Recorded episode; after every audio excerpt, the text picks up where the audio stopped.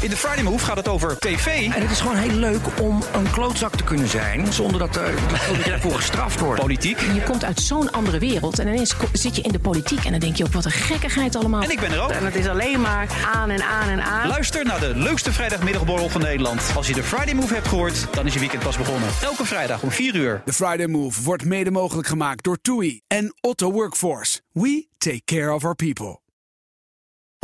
De column van Marianne Zwagerman. Zeilend door het Caribisch gebied ontdekte ik dat de oceanen vol zitten met self-made miljonairs.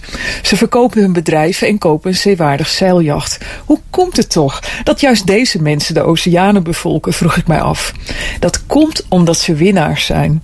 De dagelijkse krachtmetingen met hun gelijken winnen ze jaar in jaar uit. Zij komen bovendrijven en de uitdaging in het zakenleven neemt steeds verder af. Dus lonkt de strijd met de natuur. De wind en de golven zijn voor hen waardige tegenstanders. Between human will and nature's force staat er niet voor niets op mijn zeiltas. John de Mol houdt niet van zeilen, voor zover ik weet.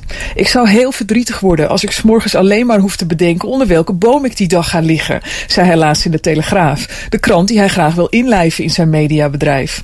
Zijn strijd met de andere grote aandeelhouder van de Telegraaf Mediagroep, de familie van Puijenbroek, wordt met de dag grimmiger en lijkt niet heel kansrijk. Waarom geeft de mol deze strijd niet op, willen journalisten weten.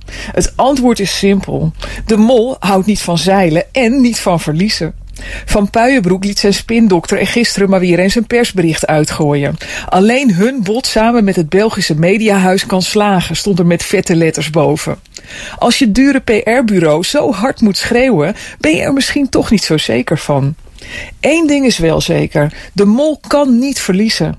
De kans dat hij keurig zijn aandelen overdoet aan de Belgen lijkt me nihil. Er zijn drie mogelijkheden. Het lukt hem om het proces zodanig te rekken en verstoren dat de Belgen afhaken en Van Puijenbroek met hem verder moet. Of zijn powerplay leidt ertoe dat hij een plek verwerft als aandeelhouder in een nieuwe combinatie met de Belgisch-Nederlandse mediafamilies, zodat hij zich ook met de multimediale plannen van de andere titels, zoals NRC en de Standaard, kan gaan bemoeien. Of hij sleept er een vette productiedeal uit voor de videokanalen van TMG en alle aandelen van het radiobedrijf, waarvan hij nu al ruim 75% in handen heeft. TMG heeft de rest. Voor zover ik weet houdt Van Puijenbroek ook niet van zeilen. Dat kan nog een heftige krachtmeting worden. Hopelijk zonder drenkelingen. En dat zei Marianne Zwagerman in haar column. En die kunt u terugluisteren via BNR.